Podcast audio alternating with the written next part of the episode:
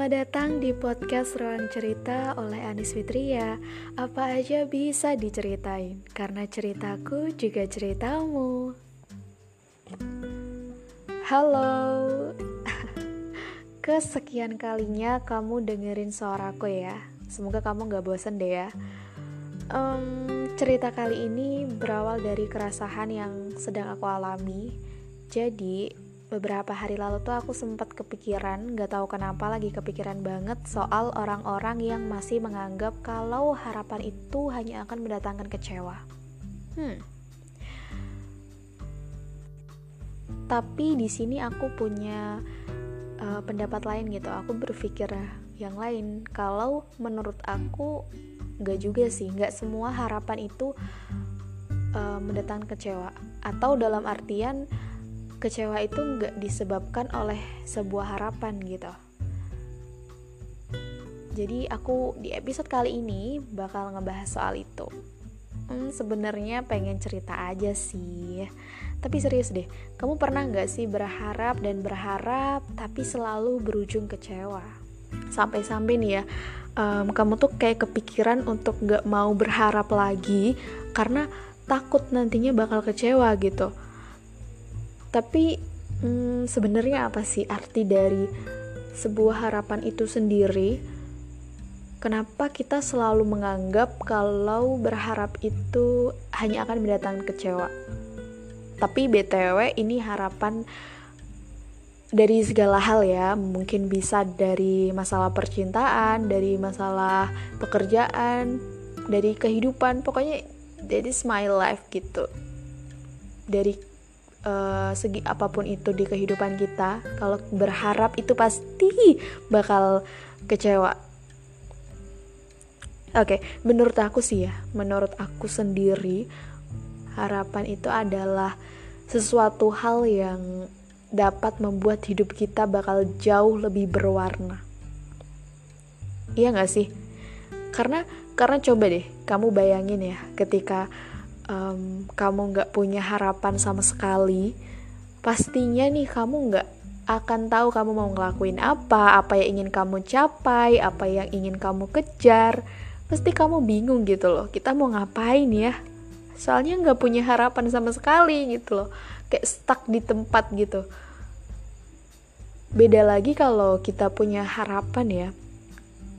Ketika kita punya suatu harapan, pastinya kita sibuk kan untuk berjuang, untuk bekerja keras, berusaha semaksimal mungkin untuk mendapatkan harapan kita gitu. Nah, dari situlah proses kita untuk mendapatkan ya proses kita mendapatkan harapan itu yang akan menjadikan hidup kita akan jauh lebih berwarna sih.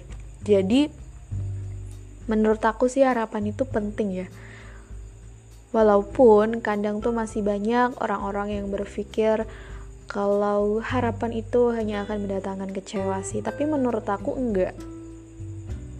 Menurut aku enggak. Makanya ini yang membuat aku uh, sedikit resah sih karena aku pengen aja gitu buat uh, kita bareng-bareng sadar kalau berharap itu enggak enggak apa ya kecewa itu bukan karena disebabkan oleh harapan guys.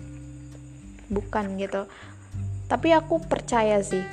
Aku percaya banget di luar sana ya. Masih banyak banget teman-teman yang berpikir kalau berharap itu hanya akan membuat kecewa. Padahal nih ya eh, rasa atau perasaan kecewa yang timbul itu bukan karena sebuah harapan sih. Tapi karena kitanya aja yang gak mampu atau gak bisa untuk menerima kenyataan. Nah, loh. Jadi semisal nih ya, semisal kita uh, punya suatu harapan, tapi ternyata nggak sesuai sama kenyataannya, pasti kebanyakan orang itu bakal bakal ngerasa kecewa gitu. Padahal ya, padahal kalau kita bisa uh, berpikir lagi, manusia itu hanya bisa berharap dan berusaha tapi tetap keputusan atau hasil akhirnya itu Tuhan yang menentukan gitu kan. Dan mungkin kita juga bisa kok apa namanya bisa berpikir hal lain eh, kita lihat dari sudut pandang lain. Oh ya mungkin uh, usaha aku kurang maksimal. Oh ya mungkin ini bukan jalan yang terbaik buat aku gitu. Oh ya mungkin ini udah jalan dari Tuhan yang dipilihkan buat aku gitu. Nah ketika kita bisa memposisikan uh, kita bisa memposisikan diri kita dalam uh, fase itu pasti rasa atau perasaan kecewa itu nggak akan pernah muncul sih. Percaya deh serius.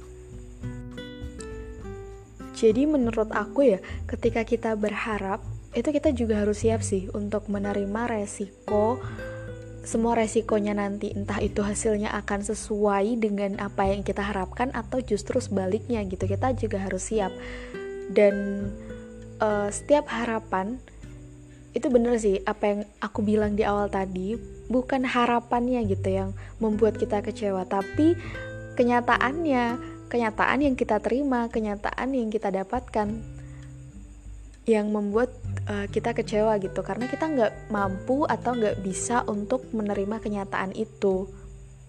Padahal kalau kita um, apa ya dengan ikhlas bisa untuk menerima hasilnya itu nggak akan ada sih yang namanya rasa kecewa serius.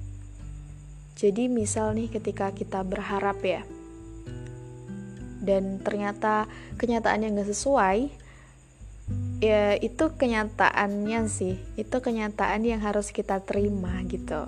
Itu hasilnya dari set, uh, dari semua perjuangan yang udah kita lakukan itu hasilnya. Dan kamu harus bisa terima itu gitu.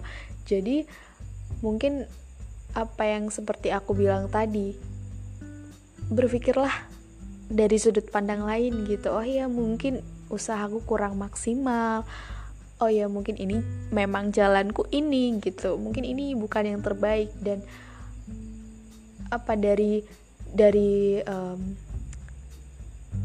dari rasa kecewa itu kita bisa rubah dengan pembelajaran kita kita jadikan semua itu pembelajaran bagi diri kita. Atau kita juga bisa untuk jadikan evaluasi untuk diri kita ke depannya untuk bisa belajar gitu loh agar kita bisa memperbaiki usaha kita yang tadinya mungkin kurang maksimal selanjutnya ke depannya lagi kita berarti harus bener-bener um, lebih dari ini. Nah jadi menurut aku ya yang bilang atau yang masih menganggap kalau harapan itu hanya akan buat kecewa enggak sih. Itu hanya persepsi kita aja gitu karena sejujur-jujurnya ya tadi kecewa atau perasaan kecewa itu muncul karena kitanya aja yang gak bisa atau gak mampu untuk menerima kenyataan. Nah jadi uh, jangan takut lagi untuk berharap gitu karena jujur ya hidup tanpa harapan itu bakal hambar banget cuy. Dan selalu untuk uh, belajar deh untuk bisa menerima kenyataan supaya gak ada lagi tuh yang namanya rasa kecewa gitu. Terakhir aku mau bilang hidup itu perlu adanya harapan dan rasa kecewa itu gak akan pernah ada selagi kita bisa untuk menerima kenyataan. Aku Andis Fitria dari podcast Ruang Cerita. Sampai jumpa di ceritaku selanjutnya.